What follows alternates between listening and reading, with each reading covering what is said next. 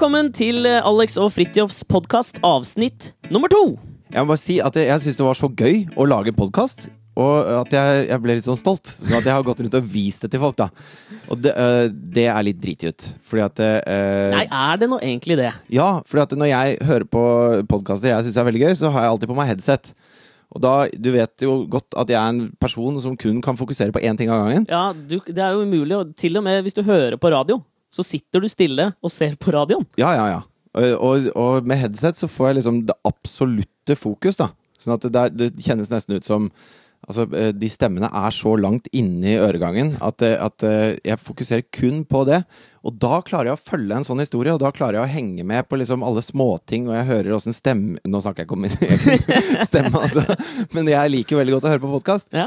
Mens når jeg, jeg var på hyttetur uh, i helga, og, så- og så satte jeg på da den podkasten Din, du satte på vår podkast. Oh yes. Når jeg var litt full, og, og det var ganske seint, og, og vi var kanskje tolv mennesker. Og jeg forventet at alle skulle sitte helt musestille i 50 Og nå minutter blir jeg flau. høre på dette her.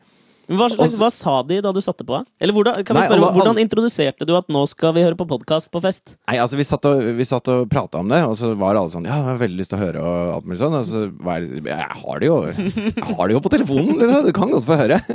Og så, og så det, Dette var ved Mjøsa, og, og det var liksom en veldig fin kveld. Og så forventet jeg da, dum som jeg er, en slags sånn absolutt tysthet. Sa du, Måtte du på noe tidspunkt liksom be folk være stille? Nei, men på et tidspunkt så begynte folk å, å snakke og sånn. Ja, det likte jeg ikke. Og sa, hva var det han sa der? Og ba, ba, ba. Og da hørte de ikke alt de andre. Og så ble det bare sånn. Og til slutt så gikk jeg bare og skrudde av. Og så trodde alle at jeg var kjempesur, da. Selvfølgelig. Så, Og det var det jo. inni meg, ja. Ikke utenpå. Nei, ok.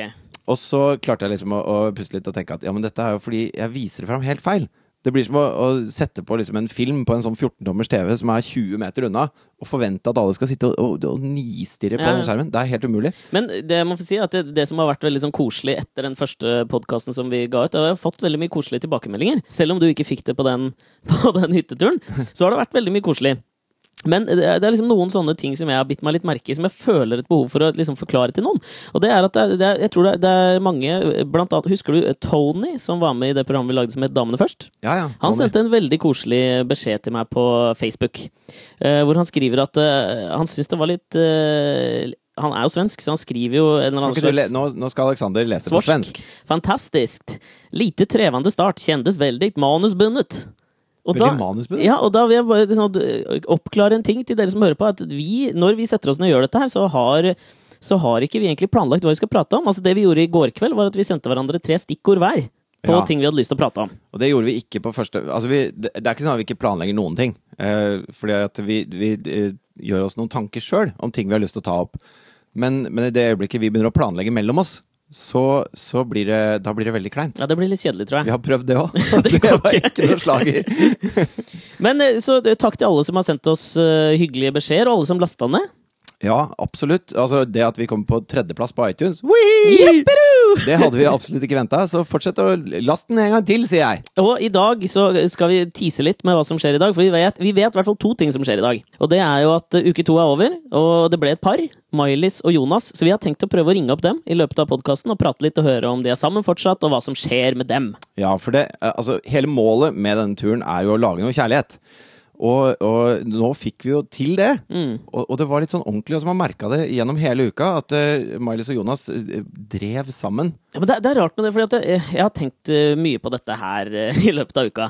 Og eh, når jeg så på det nå i etterkant, så har jeg fått tilbake troen på Åh, dette blir klisjé, vet du. På liksom kjærlighet ved første blikk, da. For jeg syns jeg ser, idet hun Miley da ser han første gang, så er det bare Det sier pang, da. Hun, Ja. Der hadde hun bestemt seg. Hun hopper av bussen.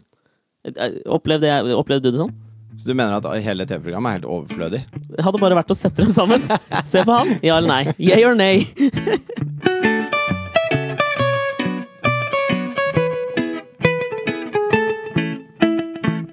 Jeg leste i Dagbladet forrige uke. Det er en kunstner som heter Clayton Cubit. Og han, han stiller seg selv spørsmålet altså hvordan, hvordan skal man eh, gi et autentisk portrett av seg selv i dagens samfunn, hvor alle For på Facebook så lager man et sånt glansbilde av seg sjøl. Man, man maler et bilde av seg selv som er ganske langt fra virkeligheten. Da.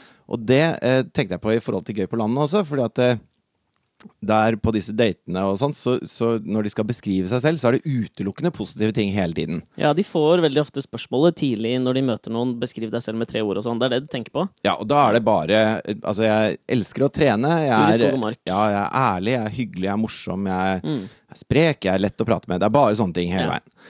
Men så han eh, Clayton Kubit, da. Han øh, så, Som en sånn uh, motgreie til det, hvor han skal finne ut hva er det som er et ekte portrett av deg selv, så, så prøver han å se hvor er det hvor er det kroppen begynner og hjernen slutter, på en måte. Fornuft og følelser. Når er det bare følelser, og når er det bare fornuft? Så han eh, Jeg syns han løste det på en litt artig måte. Hvordan da? Nei, han eh, fikk med seg en skuespiller som heter Stoya, Ok. og så satte han henne eh, ved et bord, og så ga han henne en bok som hun skulle lese, og så var det et helt stillestående kamera som filmet henne mens hun leste. Og under det bordet så var det eh, da en vibrator. ok. Så hun begynte å lese, og så filmer de bare liksom overkroppen og bordet. Og så ser du at hun blir mer og mer distrahert, og, mer, og til slutt så bare kommer det veldig sånn støt Og så, og så hun leser høyt. hun leser høyt. Ja. Og så går det for henne. Jaså. Og det, og det er liksom hans kunstverk, da. Var, på en eller annen måte så var det noe ordentlig der. Ja, jeg skjønner, jeg skjønner hvor du vil hen. Fordi eh, det er, altså de, Hvis vi skal relatere det til vårt program, så har de såpass kort tid med hverandre at du tenker der at det, der kom man aldri forbi eh, Den første presentasjonen av seg sjøl vil alltid være fornuftsbasert, tror jeg, da. Ja, altså det- Fordi du tenker jo da Man planlegger litt hvordan man skal legge fram seg sjøl. Og, og så velger man bort Nei, det er noe dritt. Det vil jeg ikke si. Og, men dette er fint. Det vil jeg si. Og så vil jeg gre håret mitt sånn og ta på meg disse klærne, sånn at jeg ser sånn og sånn ut. Altså Man, man lager et sånt bilde av seg sjøl. Hvis du er sammen med noen i to år, da. Så er det ikke så mye igjen av det bildet. på en måte Da, da får man se hvem folk egentlig er. Og kanskje det egentlig er finere, tenker jeg. Jo, men eh, samtidig, jeg er jo enig i at det er finere når man kommer dit, men jeg tror liksom det å ta bort den prosessen det er å komme dit, da, det tror jeg ikke er så fint heller. Fordi den prosessen å bli kjent med noen, det er jo kanskje en av de bedre prosessene man kan være igjennom. Men den uh, Clayton Cubit-saken som du forteller om der, den minner meg om en, en annen ting jeg så. Det er en sånn kunstner som heter Marina Abramovic, som skulle ha en sånn svær utstilling på Museum of Modern Art i New York. Um, og mens hun hadde da den retrospektive utstillingen sin der, så satte hun seg ned og lagde et kunstverk som jeg tror hun kalte The Artist Is Present. Hvor hun bare satt ved et bord, og så kunne folk da komme og sette seg vis-à-vis henne. Og dette gjorde hun i 740 timer eller noe sånt. Hun holdt på kjempe, kjempelenge. I strekk. Bare satt der. Og fikk folk eh, som Folk kunne komme og sette seg ned og sitte hvor lenge de ville. Og det som var gøy med det, var å, sitte, å, å se hvordan, altså, hvordan folk eh, reagerte. Da. For det var utrolig mange som begynte å eh, gråte. Eh, og Sa hun noe, eller bare satt hun der? de bare satt og så på hverandre. Eh, og det er jo også en sånn ting som bare Det er så tett på, da. Bare det å sitte og se på hverandre. Jeg merker det når vi sitter sånn vis-à-vis hverandre ved bordet nå. Det var omtrent et sånt bord hun satt ved. Og bare satt og så på mennesker. Til det kom en følelsesmessig reaksjon, da. Så jeg tror det handler, det handler sikkert ganske mye om, sånn, om den tiden. Det var det jeg mente med den prosessen hvor du blir kjent med noen også. Som jeg syns er utrolig spennende, da. Fordi det er ingen som setter seg ned og begynner å grine med en gang. Men uh, det kunstverket er det en uteligger i, i Birkelunden som også holder på med. Han har sittet der siden jeg flytta til? Oslo. han har sittet der i fem år, han. Har du begynt å grine den ennå? Nei, men jeg har vært på nippet. Når jeg leste den artikkelen om hun Stoya og han Clayton Cubit i Dagbladet Ja. eh, Jeg skal litt tilbake dit, fordi jeg husker at vi var, vi var på biltur eh, på gøyplanet. Hvor, eh, hvor du klarte å, å fake en orgasme. Hæ? Vi snakka om det å fake orgasmer, og så, og så var det sånn spørrerunde om noen hadde faka en orgasme. Jeg tror ikke noen av oss hadde det. Jeg har i hvert fall ikke det. Har du faka en, har du faket en orgasme? Ja. Har du det? Hvorfor det? Nei, men Hvorfor det? Nei, men det er veldig, veldig lenge siden, og så Å, dette var flaut! Nei, men det er ganske lenge siden, og så var det du vet, det er sånn eh, Hvis man har drukket alkohol, da, i hvert fall for gutter og sånn, så er det mm, sånn at da Det å ha seksuell omgang da, det kan ofte ta litt tid. Det, Det gir en viss stamina. det gir en viss stamina, og et, på et tidspunkt så blir det jo på en måte ikke godt lenger. Det blir bare slitsomt. Så da, en gang, så tok jeg bare og, og spilte litt, da. Ja, men, men jeg husker også på den bilturen, så, så gjorde du det. Du viste hvordan du spilte da. Ja. Og da tenkte jeg det er noe vi kan dele. Nei! Jo, Nei! nå skal dere høre hvordan det låter når Alexander faker en orga... Kom igjen, Alex. Få høre. Kom igjen. Ok. Nei, jeg er klar! Jo, Ok, ok, ok. Kan jeg bare ta på en måte det e- ejakulatoriske i det? Ja, du kan ta liksom Men det må vare, la oss si det må vare i ti sekunder. da. I hvert fall minimum. Ti sekunder. Jeg har ikke noe lyst til å gjøre det, vet du. Jeg så en TV-serie, jeg har sett tre sesonger av en TV-serie som heter The League nå. Som dreier seg om eh, fem gutter som har en sånn fantasy NFL-liga. Og de, på et, et tidspunkt i den serien så kommer de inn på sånn Det verste man kan gjøre, det, måten å tappe sjelen ut av en mann, er hvis en annen mann ser ansiktsuttrykket ditt akkurat idet du får ejakulasjon. og det er det jeg føler også. Hvis jeg skal gjøre dette, her, så må du snu deg bort. Ok, jeg snur meg vekk. Ok. ok. Ok.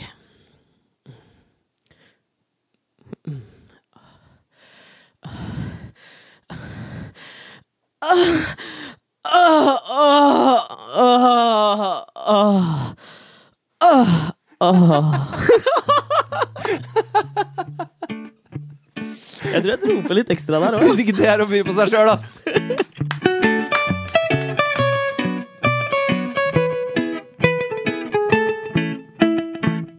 Når vi er ute på Gøy på landet, så involverer det mye reising. Du og jeg har jo reist sammen til sammen i seks måneder det siste året. Det har vi. Vi har en veldig forskjellig innstilling til det å være på reise, har jeg merket. Det har vi også. Jeg er ekstremt opptatt av komfort når jeg er ute og reiser. Og skal jeg si deg grunnen til det? Grunnen til det er at eh, når jeg er ute på reise, så forbinder jeg det med å ha ferie. Og når jeg har ferie, så vil jeg utelukkende at alt skal gå strømlinjeformet. Det skal ikke være noe friksjon, det skal ikke være noen ting. Alt skal være liksom bang, bang, bang, bang, bang, bang og det skal være behagelig. Ja. Jeg skal gi deg et eksempel. Altså, fordi jeg leste, jeg leste en bok om Pet Shop Boys. Av alle band. Av alle band Ja. du kan lese biografien til, så velger du Pet Shop Boys. Er du en stor fan av Pet Shop Boys? Ikke det. Liker Go West, men ikke noe særlig utover det. Eh, men gru grunnen til det var at jeg syns de gjorde en kul ting. De tok med istedenfor sånne rockeband som tar med seg en fotograf ut som skal dokumentere dette, og det skal være kult og sånn, så tok de med seg en journalist som heter Chris Heath, som skrev en bok fra deres første Japan-turné. Han skrev om alt. Og der var, der, der var det én side jeg bare, som jeg beit meg merke i, som jeg tenkte var symbolet på hvordan jeg vil ha det på tur. Og det var De kom til Japan, så øh, hadde han trykket opp i boka øh, itineraryen, altså dagsplanen for det de skulle gjøre den dagen. Der sto det 0627. Møt opp utenfor hotellet, møt guiden deres. 0629 til 0631. Ta heisen til 32. etasje. 16.00 til 16.15. Avslapping i den og den sofaen. Og det er sånn! Det er, mi, det er mitt ideal for reising. Men sånn reising fins jo. Det, det du egentlig gjør, er at du savner eh, Startur sin bamseklubb på Mallorca. Der er det jo sånn. Ja, der, for der har du problemet, for jeg vil jo ikke til de reisemålene hvor dette tilbys. Jeg vil ikke på Las Palmas. Nei, så det du har lyst på, er en slags sånn Du har lyst til å se verden på en ny og unik måte. Men eh, med så ordnede former at du ikke opplever noe av hvordan de folka som, har der, som er der, egentlig har det. Trenger ikke, trenger ikke det. Jeg kan oppleve det. Men når vi er på tur, da, og du eh, slår, deg, slår deg litt vrang Nå høres jeg ut som den primadonnaen! Fordi, ja, men det er, altså det, Og det er ikke veldig vrang, Fordi vi, vi bor jo av og til eh, hjemme hos folk, og vi, vi låner hus og hytter her og der. Og jeg husker spesielt i fjor, når vi havna oppe i Berlevåg, så fikk vi låne en sånn eh, en liten, en liten sånn asbesthytte. Ja, skal vi kalle det en koie? En koie. Ja. Som brukes da av latviske fiskere tre måneder i året. Eh, og da fisker de eh, sikkert 20 timer i døgnet og sover i fire timer i døgnet uten å ta av seg det slagget de har på kroppen. Så det var en sånn intens lukt og, og uh, følelse på det stedet som var, som, hvor alle porer i kroppen stritter imot da, når Ja. du åpner døra. Jeg husker det var gøy, Den første dagen så gikk du ut og kjøpte 400 duftlys som vi satt rundt. Jeg bare prøvde å bli kvitt den lukta, og vi vaska hele kåken. Og, men men da, da uh, søyt jo du. Ja. Eh, Ekstremt. Ja. Og, og jeg skjønner det. Men hvis jeg da også hadde begynt med det, så hadde jo bare hele, hele greia havarert. Så det er sånn at én må på en måte ta den rollen, og da må den andre ta den andre rollen. Så dette er ikke nødvendigvis sånn vi er, Alexander, men det er et mønster vi som par har blitt tvunget inn i. Men altså, hvis du, altså, har du vært på noen reise noen gang utenfor Gøy på landet hvor du har tenkt Vet du hva, det her går faktisk grensen min nå. Jeg kan ikke bo sånn her. Ja, altså, jeg har gjort det mange ganger på, på, på turné, men det har jo vært i jobbsammenheng. Altså Sånn som på hoteller i England hvor du for å spare penger, så har du dobbeltrom. Altså ikke, ikke sånn eh, Jeg har aldri skjønt forskjellen på det twin room og double room. Ikke jeg heller. Og queen bed, who knows? Det vet jeg hva er. Men eh, ja, det er en litt liten dobbeltseng. Men uansett, da. Så eh, eh, når man da skal bo med en, en annen eh, fyr på et rom som bare har en dobbeltseng, og i tillegg så har de ikke dyne, men de har ett stort teppe og ett stort laken. Og så blir det sånn, da må man bare si ok, vet du hva, jeg får laken i natt. Men var det Og du får teppe. Og så bytter man dagen etterpå. Og, og det var stort sett Fredrik som var trommeslager, og jeg som lå sånn og det, det er kleint, altså. Det ødelegger vel for den myten om at uh, som rocker så du drar du ikke med deg en dame hjem dit, da. Men det, det bygger opp under myten om at man må drikke når man er rockeband. For å få sove. Jeg skjønner.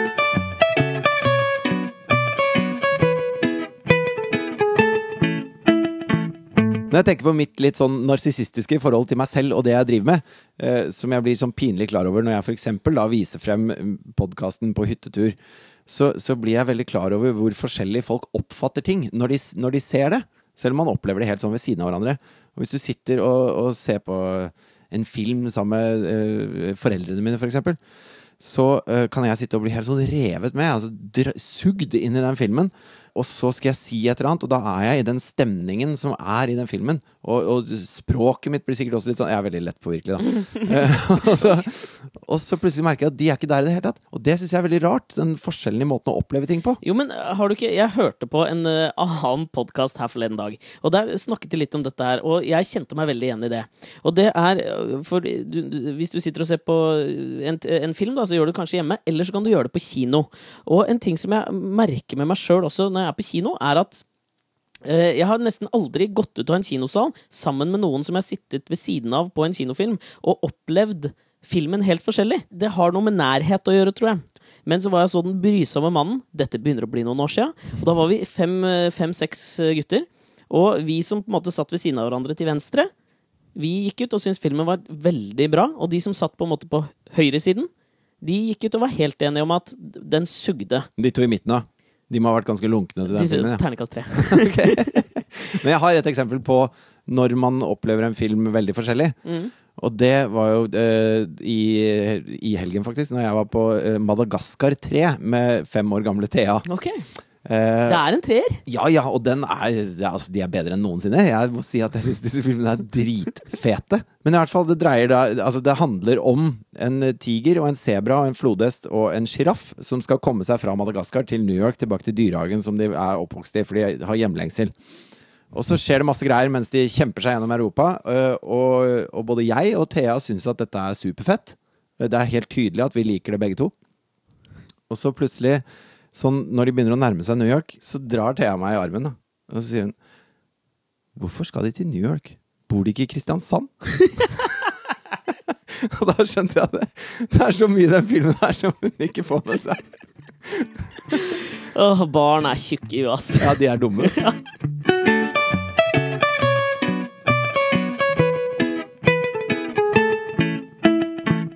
Jeg var på eh, premierefesten til det nye programmet Karl Johan eh, til Erik Solbakken og Hasse Hope eh, på torsdag. Ja. Har du så du programmet? Jeg fikk ikke sett det, men jeg syns ideen er kjempegod. Og det var et utrolig fint program. Og der kom det bort en fyr til meg sånn litt utpå kvelden og fortalte meg noe om deg. Ok. Eh, Han som kom bort, heter Martin Giæver og jobber som journalist i NRK. Jeg vet godt, altså Villa Medusa-Martin er det vi er det ute etter her. Den rare referansen Villa Medusa er det sikkert ikke alle som catcher, men det var et realityprogram som gikk for gud bedre så mange år siden. Det er sikkert 13 år siden eller hvert fall, Han var med i første sesong av det. 'Hvite og svarte kameler'. Jeg husker det veldig godt. Uh, uansett, han kom bort og fortalte meg at etter Villa Medusa så reiste da den gjengen rundt på kjøpesentre i hele Norge og underholdt. Jeg veit da pokker på hvilken måte man De gjør var det. der sikkert bare. Det var, Bare altså, det reality var liksom uh, veldig nytt og ferskt. Da. Så bare at det var noen sånne reality-stjerner der, var liksom stas. Det var nok, ja. Ja. Det var det- de, og så var det barn. Å, baren! Ja. Jeg husker jeg prøvde å komme inn på baren en gang da jeg var 18 år. Kom ikke inn. faen det skal du være glad for. Takk. Eh, det han fortalte meg, var at de hadde vært på, på Rosesenteret i Molde. Og der hadde du vært. Ja, ja. Sammen med Kjell fra Infinity. Nok en gammel referanse. Ja, veldig. Eh, Men eh, han fortalte litt sånn ymse ting om deg der, som jeg ikke trenger å fortelle. Du klina med noen og litt sånn. Men det som På jeg Rosesenteret i Molde. Jepp, det har du gjort. Hvis du ikke husker det, så var du sikkert full. Du var jo rockestjerne på det tidspunktet. Det, må, det kan ikke ha vært meg. Det må ha vært eh, han fra Matprat. Det må ha vært han.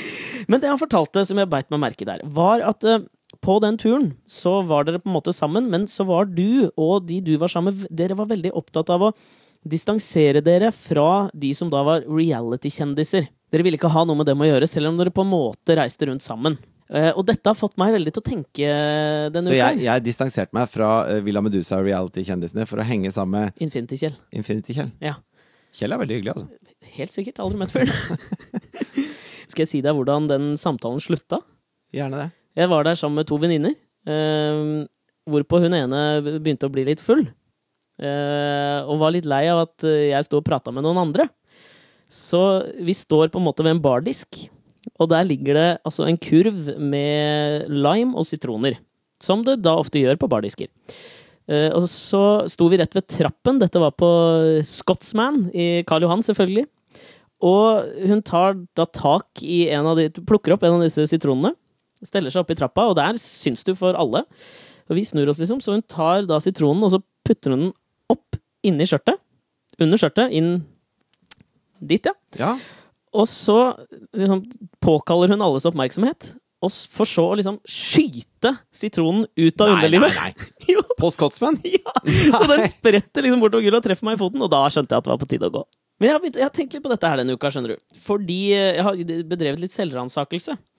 Uh, og vi har snakket om dette før, det med hvordan jeg har en tendens til å selektivt distansere meg litt fra det jeg egentlig bør stå for. Og det jeg mener med det, er at la oss ta gøy på landet. Eh, Det jobber jeg med, og det står jeg jo for. Så for eksempel hvis jeg er hjemme hos moderen og faderen, så spør de veldig ofte om gøy på landet og lurer på ting rundt det, og da syns jeg at det er helt ok å snakke om. Jeg deler villig vekk. Eh, Og så har jeg begynt på Blindern nå igjen, eh, og når jeg er der hvis det er i nærheten av å komme opp, eller noen har nevnt det, eller noen sier noe om det, så er jeg jævlig snar til å bare eh, spille den rollen ned veldig, og si ja ja, men jeg må jo jeg må fylle på med noe ordentlig, man kan ikke bare drive med tull. Mat til smør på brødet? Er det det du sier? Ja, ja, jeg sier ikke akkurat det, jeg er ikke så gammel. Men jeg, jeg, jeg spiller i hvert fall liksom den betydningen av det veldig ned. Um, og så har jeg nå bestemt meg for at dette her må jeg jo til Men hvis, faen ta og slutte slutte hvis du er alene i et rom, da, Mm, og, og skal reflektere over f.eks. Gøy på landet, som du jobber med nå, mm. Eh, hvordan står det for det da? Hvor er du hen oppi alt dette her? Nei, jeg skal jo være helt ærlig og si at det, jeg, det er jo ikke sånn at jeg tror og mener at det viktigste i verden er å lage et feel good dating-program på TV. Men jeg står jo fullt og helt for at det er et utrolig ok program. Og jeg står for jobben vi gjør, og jeg står for det at vi gjør altså sånn, det, det har jeg ikke noe problem med å gjøre. Egentlig. Og det er her i problemet ligger. Ja, men Tror du det er at du begynner å bli litt eldre? At du begynner å øh, liksom finne ut at det er veldig slitsomt å, å mene helt forskjellige ting overfor forskjellige mennesker? Ja, det er det jeg tror, skjønner du, og det er derfor jeg ville spørre deg om det. Du som er litt eldre, og som jeg opplever at ikke har Du har ikke den fasetten i deg på noen som helst måte. Jeg tror det har vært viktig for alle. Prøve, det er jo et forsøk på å prøve å passe inn. Ja, og å være kul. Å være kul. Og det var sånn øh, når vi Det første bandet jeg spilte i, som het Explicit Lyrics, vi skulle være husband for XL-TV. På en sånn norgesturné. Og XL-TV besto da av Kristoffer Schou, Atle Antonsen, Johan Golden, Espen Thoresen og Øystein Carlsen. Som uh, da var noen av de kuleste folka jeg visste om, og det er de, Det er kule er de enda, på en måte. Så, øh, så det var folk som jeg så ekstremt opp til. Og, og jeg satt og lo hele tiden, for det var så fett, liksom, å være sammen med de, og de gjorde så mye kule ting. Og så skulle vi spille i Kristiansand, Um, og da hadde uh, Da dukka Håkon Mosleth dukka opp i salen. Han var vel han var musikkjournalist i Dagbladet på det tidspunktet. Ja, Og han hadde akkurat anmeldt Datsun, som er det bandet som Kristoffer sang i da. Og så uh, ser vi at han er der, og så eh, går vi alle av scenen når vi er ferdige, og så, og så er vi backstage, og så sier Kristoffer at uh, hvis han har nerver til å vise seg bak her etter å ha gitt så sinnssykt slakt til Datsun, så lover jeg dere tre ting. Da skal jeg, jeg skal tuppe den i ræva, og jeg skal helle en øl på han, og jeg skal sprenge en kinaputt i lomma på han. Og så eh, kommer jo Håkon, ikke sant? Selvfølgelig gjør han det. Det som er gøy, er at for de fleste mennesker, hvis noen hadde sagt, sagt noe sånn, så hadde ikke du tenkt han gjør det sikkert ikke. Men akkurat med Kristoffer Schau, så vet du på en måte at dette kommer til å skje. Og det skjedde med en gang. Altså, eh, Kristoffer går og åpner døra, og der står Håkon. Og så sier han ja, 'kom inn', og så gir han et sånt et, et, hvis, jeg, hvis det er noe som fins som heter et kameratslig spark i rumpa, som fremdeles er relativt hardt, så fikk da Håkon det. Eh, hvor Kristoffer klarer å glatte over det, eh, og Håkon du ser han har litt vondt. Og, å, ja, altså, og alle vi prøver å ikke le, for vi vet jo hvorfor dette skjer.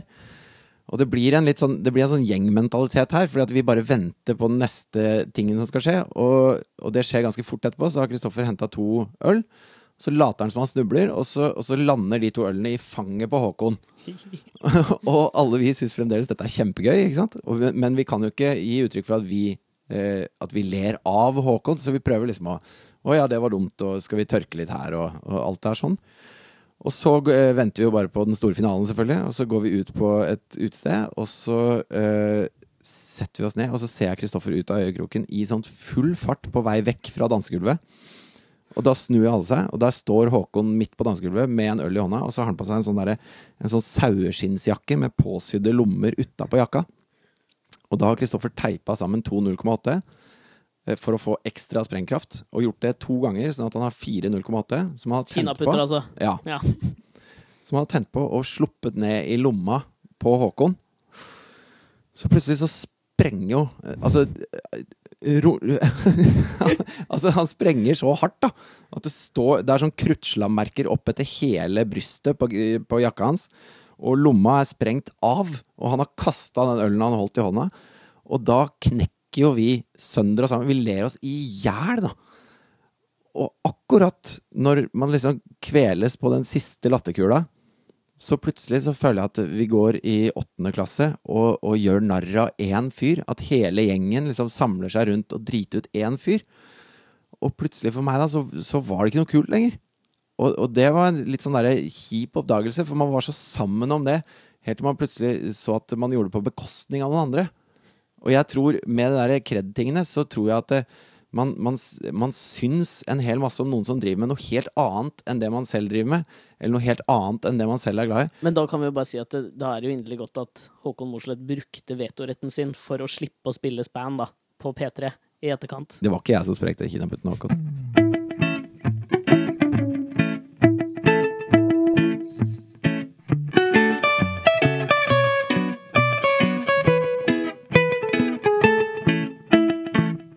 Noe av det første som skjer når vi kommer til en ny bygd, er jo at uh, disse guttene skal møte disse jentene. Og da får de to minutter hver på å, å imponere på en slags speeddate.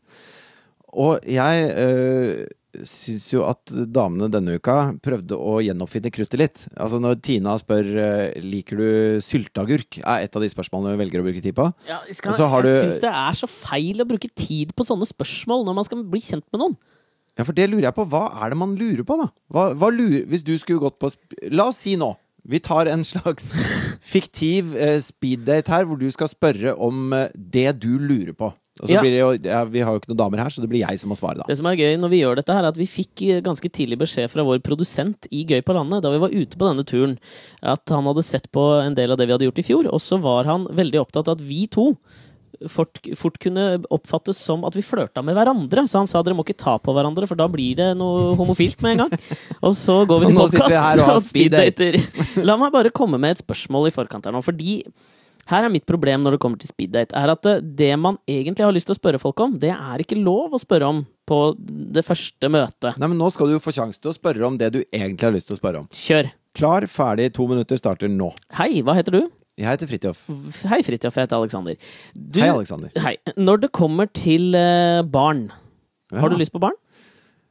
Eh, s- ehm, ja. Hvor jeg mange har, da? ehm, nei, det, det, jeg regner liksom med at jeg finner ut det underveis. Hva, hvis jeg sier tre, hva tenker du da? Det høres litt styrete ut. Kanskje to, eller? Ok.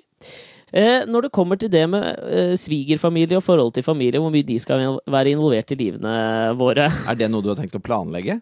Nei, jeg bare lurer på hvor, hvor ofte har du liksom hvor, Jeg syns du høres ut som en jævla slitsom fyr, jeg. Ja, men det er jo det jeg mener her! For det er jo disse tingene jeg egentlig lurer på!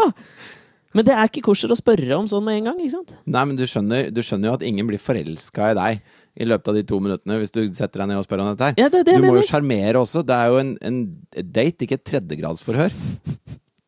Ja, men det er det jeg mener er problemet mitt her. Og det er det som sikkert er problemet til mange. I hvert fall siden du er singel, hvis det er sånn du går ut og dater. Nei, men altså at ehm, altså Jeg respekterer prosessen at man skal komme dit, men det er jo dette jeg egentlig Hvis jeg bare kunne lagt alt bort, og det var en veldig sånn mekanisk prosess, så hadde jo jeg spurt om disse tingene her. Jeg har flere spørsmål liksom, om dette.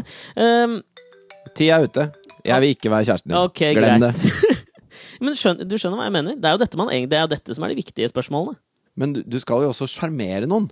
Ja, jeg, har lyst på en, jeg har lyst på en date med deg hvor Nei, du men i- ja, okay. i tillegg skal prøve å liksom eh, Kanskje være morsom, eller Ikke sant? At det, nå, nå møtes vi første gang. Ok. Tiden starter nå. Hei, hei. Hei, hei. Hva heter du? Fridtjof heter jeg. Alexander heter jeg. Hva så? Hva, hva liker du å drive med på fritida? Der ser du, så er det rett i den med en gang. Du er Ok, et ny dugg start. bedre. Ny start, nå jeg ny Liker du start. sylteagurk? Hør nå, jeg har en dritbra ny start. Ok. Ok, Hei, hei. Hei, hei. Hvis du har vært ute på lørdagskveld og skikkelig full, liksom, hvordan ser da den perfekte søndagen ut for deg? Jesus Det, Ja, jeg veit det. kan vi bare glemme det her, eller? Ja. Liker du sylteagurk på burgeren, eller? Jeg elsker det. Ja. Ikke jeg, da kan du få mine. Ok.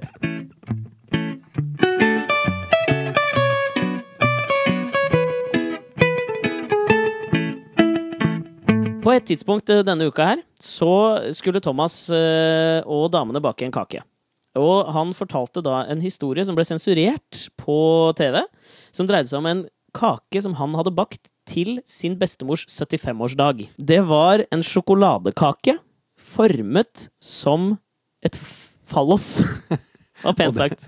Han, vi har vist oss bildene. Ja. Han, vi har Og sett den, bildene. den er stor og, og veldig forseggjort, kan vi si det? Ja, Ekstremt forseggjort. med og fargelagt Han av det. Ja. viser altså en, en, en fingerferdighet og en eh, kjennskap til materialet som er eh, sjeldent. Altså, det er talent, tror jeg. Men det som det fikk meg til å tenke på, var da jeg var med en kamerat av meg som uh, skulle skaffe en kake til et TV-program i anledning en vits de skulle gjøre i det TV-programmet. Og det dreide seg da om at det var to personer, kjente historiske personer, som hadde bursdag på samme dag.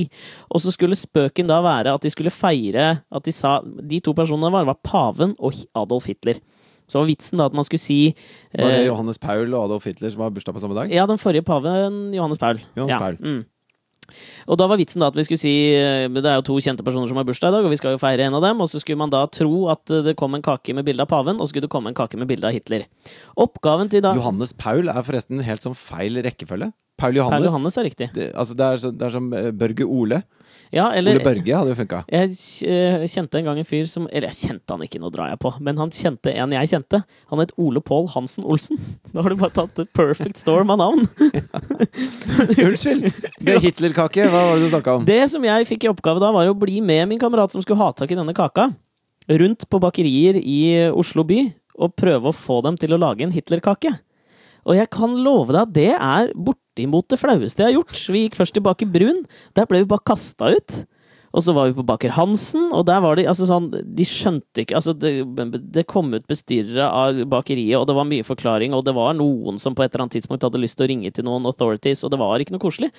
Men så kom vi da endelig til et bakeri hvor, hvor vi føler at vi, vi kommer en eller annen vei. Så vi drar jo da opp bildet av Adolf Hitler, og da får hun jo helt sjokk! For hun hadde jo ikke skjønt at det var Adolf Hitler hun skulle lage kake av! Du lagde kaka? Å ja, jeg lagde kaka. K kanskje trodde det var Adolf Fitler? Ja, eller ja, Kittif. Itte, dama til Henry Rinnan. Nei, hun var, hun var ikke Hun var dama til Rinnans nestleder, Hva var hun det? som var Ivar Grande. Og det er det som er morsomt, for hun var gift med Ivar, Ivar Grande. Ja. Så hun het Kitty Grande. Og så, senere, så giftet hun seg med en som het Hubert Fitte. Beholdt hun Hun beholdt, navnet? Hun beholdt Grande, så hun døde som Kitty Grande Fitte.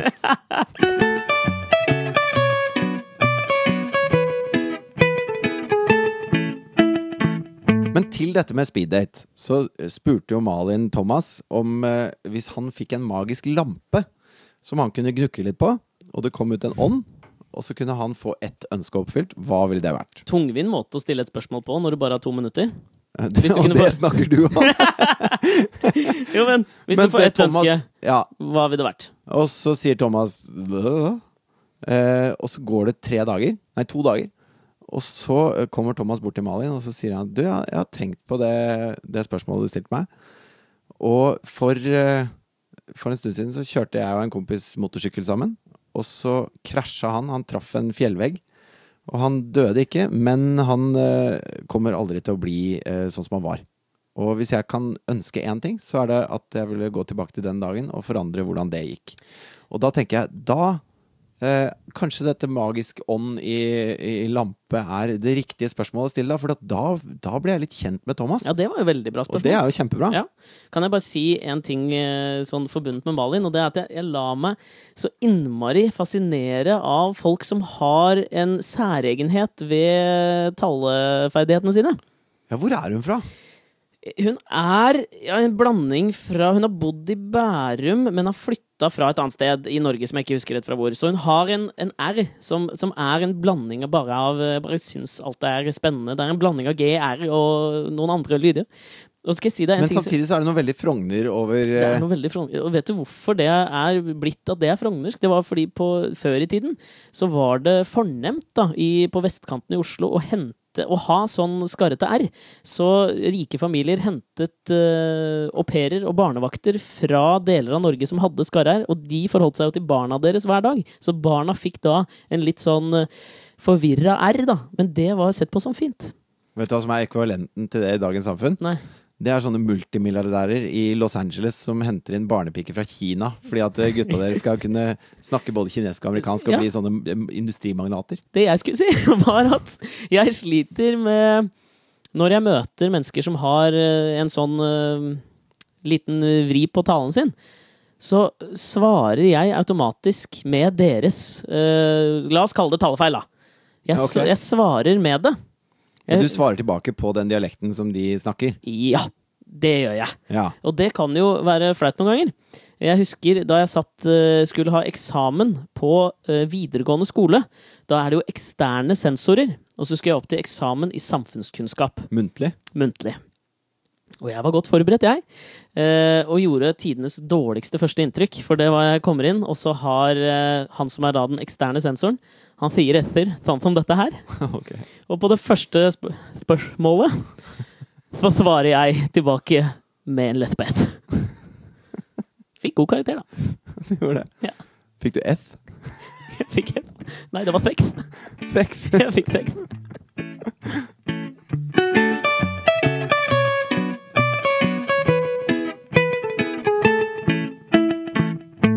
Det siste programmet denne uka her, så var det jo to stykker som faktisk eh, eh, ble litt sånn kjæresteaktige, altså. Ja, Jonas og Mylis. Mylis hoppa for Jonas.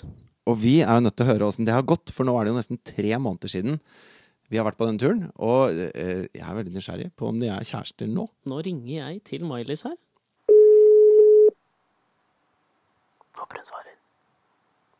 Hallo. Hei, Mylis. Det er Alexander og Fridtjof som ringer. Hei. Hvor er du nå, Mailis? Nå er jeg hjemme sammen med Ida, hun jeg bor sammen med. Du bor sammen med Ida. Ja, Hvor, hvor er Jonas hen oppi dette her, da? Si at han ligger i badekaret nå, vær så snill. ja, Jonas ligger og venter i badekaret. Gjør han det? Nei, gjør ikke det. Men vi er jo veldig nysgjerrige på hvordan det har gått med deg og Jonas. Ja. Nei, vi har uh, kosa oss masse, vi. Vi har vært på ferietur og Oi. Hvor var dere da? Vi var i Mallorca! ok. Men altså, var det, som, var det som kjærester, eller? Vi gjorde jo det. Kjærester gjorde. Det, hva, hva gjør kjærester? Det er et dumt spørsmål. Det som ikke venner gjør. ja, ok. okay jeg, jeg skjønner. Men da, må, da lurer jeg på Det er en stund siden eh, dette programmet ble spilt inn. Dere har vært på kjærestetur. Hvordan ligger forholdet dere imellom an nå?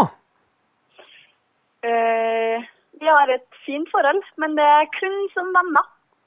Ok. Hvorfor, hvorfor det, egentlig? uh, nei uh, Må spørre han. Må vi det? Jeg har ikke du spurt han? jo, jeg har spurt han. Men han er ikke klar for kjæreste. Hva?! Så da er vi litt uh, på feil vei, da. Jeg tror vi skal ringe han nå og høre hvorfor han ikke er klar på kjæreste. Mailis, med din velsignelse så ringer vi til Jonas og spør om det nå. Kanskje vi kjefter litt på han òg? Ja. Er, det noe- er det noe bestemt vi skal kjefte på? Nei, bare Altså, jeg skjønner ikke hvorfor han ikke vil være sammen med meg, liksom. Vet du hva, vi lover at vi skal spørre om det, Mailis. Altså, Nå er du jo bare venner med Jonas, og nå kan vi spørre om dette. Har du merka noe trøkk fra det andre kjønn etter at du var på TV? Jeg kan ikke akkurat kalle det trøkk, men eh, jeg har nå fått litt request. requests på Facebook og poking og Å, folk eller en som quota meg på byen, og han sa at uh, han syntes at jeg skilte meg ut da, fordi at uh, jeg var rett på, og så spurte jeg hva har du og Målselv å tilby meg? Men du er jo ganske rett på. ja. Men vi ringer er Jonas nå, vi, på og så spør vi om det. Ja, spør om det. Ja, vi skal gjøre det. Takk for praten, Mailis. Hils Ida. Ja, takk i like måte. Ha det. Hils tilbake. Ha det. Ha det.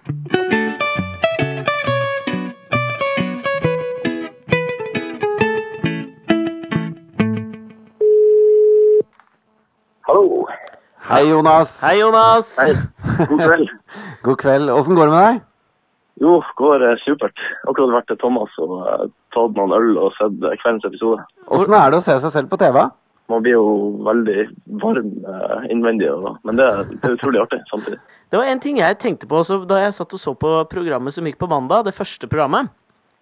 Ja. Og jeg veit ikke om du reagerte på det sjøl, men du, du valgte jo ikke reise deg opp når du hilste på damene. Jeg vet jo det, og jeg reagerte så sykt på det, fordi jeg og Thomas satt jo i lag og så på det, og han reiste seg opp. Vet du. Jeg satt jo der som en robot og ga de et håndtrykk. Og jeg, også, jeg, jeg ble litt uh, småflau der. Men vi, vi har akkurat prata litt med Mailis på telefonen. Og, Ja. og de, i, altså den uka så var det jo Det var veldig sånn rosenrødt eh, mellom dere. Eh, og vi har da hørt at det ikke er så rosenrødt lenger. At dere er gode venner, men ikke noe mer. Eh, Men er det sånn når du ser det på TV, at at det, varm inni deg ikke bare er eh, flauhet, men også kanskje litt, at, litt varme? Ja, herregud, det kan jeg love deg. Altså, vi har jo prata Jeg og Malice er jo utrolig gode venner, og vi prater i lag stort sett hver dag. Hun ringte meg jo rett etter eh, kveldens episode, og jeg sa jo til henne at eh, jeg måtte bare si det. Når, da- når jeg ser det på TV, så bare Jeg savna jo helt sinnssykt. Ja, vi skulle spørre deg om en ting fra Mailis. Og det er Ja. følgende Hvorfor i all verden vil du ikke være kjæreste med Mailis? Uff. Det var hun som ba oss om Jeg har, det. jeg har egentlig lyst til å bare gå og legge meg og skrike i et hjørne. Så Malice, hun er, hun er drømmedama mi, rett og slett. Det er klart jeg er sinnssykt glad i henne. Det er jo følelser Det vil jo alltid være følelser der. Jeg kommer jo aldri til å, til å ikke være glad i henne, for å si det sånn. Skal jeg si deg en, et lite visdomsord som Ernest Hemingway skrev i boken For Whom the Bell Tolls, Jonas? Ja, kan ikke du gjøre det? Der sa han nemlig det at eh, hvis du skal være Hvis en mann skal kunne være god venn med en jente, så må han først være skikkelig forelska i henne. Han er en vis mann, for å si det sånn. Gi han Thomas en kjempeklem fra meg. Det var hyggelig å høre fra deg. Vi, vi prates. Ha det, Jonas! Ha det bra. OK, ha det bra. Vi snakkes.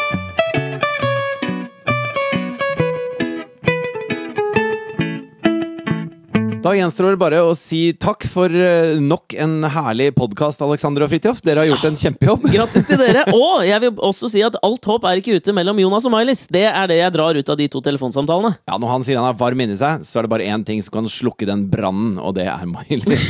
ja. Og fortsett å sende oss mailer og kontakte oss. Det syns vi er utrolig hyggelig, og vi svarer på absolutt alt. Dere kan sende oss mail på alexogfritjof at gmail.com. Eller så kan dere sende oss eh, beskjeder på Twitter, og da hashtagger dere bare med Alex og Fritjof. Og vi har faktisk fått mail av folk som syns det er vanskelig å sende mail til oss, fordi at de syns mitt navn er vanskelig å stave. Og det Og er jeg- de som har klart å stave det. Ja, det er veldig morsomt at de klager. Men til, de, til dere som ikke fikk det til, så er det i hvert fall Fridtjof med F-R-I-D-T-J-O-F. Vi høres neste uke. Ha det bra! Hvorfor vinker jeg hver gang jeg sier ha det? det er Fordi det er Ha det! Ha det!